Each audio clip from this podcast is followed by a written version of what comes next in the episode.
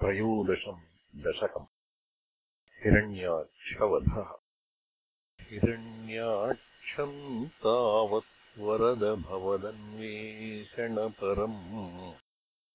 चरन्तम् साम्वर्ते पयसि निजजङ्घापरिमिते भवद्भक्तो गत्वा कपटपटुधीर्नारदमुनिः शनैरूचे नन्दन् दनुजमपि निन्दम् तव बलम्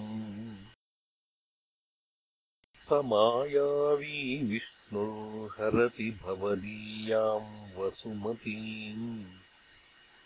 प्रभो कष्टम् कष्टम् किमिदमिति तेनाभिगदितः नदन् क्वासौ क्वासाविति मुनिनादर्शितपथो भवन्तम् सम्प्रापत् धरणिधरमुद्यन्तमुदकात् अहो आरण्योऽयम् मृग इति हसन्तम् बहुतरैः। दुरुक्तैर्विध्यन्तम् दितिसुतमवज्ञाय भगवन् महीम् दृष्ट्वा दंष्ट्राशिरसि चकिताम् स्वेन महसा। पयोधावाधाय प्रसभमुदयुङ्था मृधविधौ।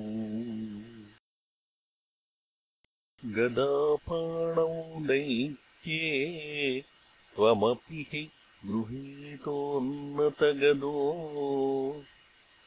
नियुद्धेन क्रीडन् घटघटरवोद्घृष्टवियता। रणालोकौत्सुक्यान्मिलति सुरसङ्घे द्रुतममुम् निरुन्ध्याः सन्ध्यातः प्रथममिति धात्रा जगदिशे गदोन्मद्दे तस्मिंस्तव खलु गदायान्दितिभुवो गदाघाताद्भूमौ झटिति पतितायामहः भोः।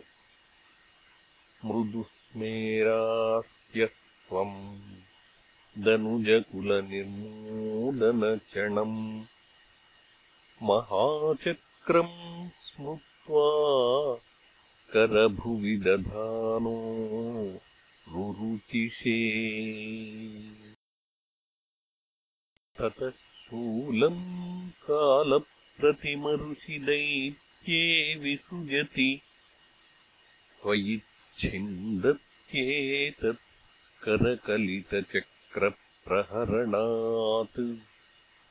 समारुष्टो मुष्ट्या स खलु वितुदंस्त्वाम् समतनोत् गलन्माये माया त्वयि किल जगन्मोहनकरीः। भवच्चक्रज्योतिष्कणलवनिपातेन विधुते ततो मायाचक्रे विततघनरोषान्धमनसम् गरिष्ठाभिर्मुष्टिप्रहृतिभिरभिघ्नन्तमसुरम्। स्वपादाङ्गुष्ठेन श्रवणपदमूले निरवधीः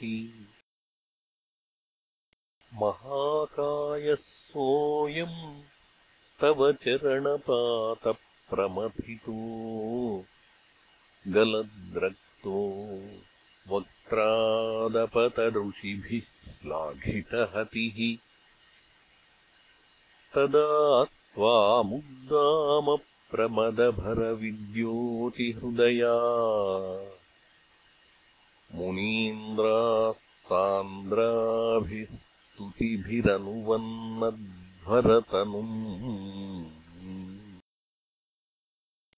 क्वचित् छन्दो रोमस्वपि कुशगणश्चक्षुषि घृतम् चतुर्होतारोङ्घ्रौ सृगपि वदने चोदर इडा ग्रहा जिह्वायान्ते परपुरुष कर्णे च चमसा विभो सोमो वीर्यम् वरद गळदेशेऽप्युपसदः। मुनीन्द्रैरित्यादिस्तवनमुखरैर्मोदितमनाः। महीयस्या मूर्त्या विमलतरकीर्त्या च विलसन्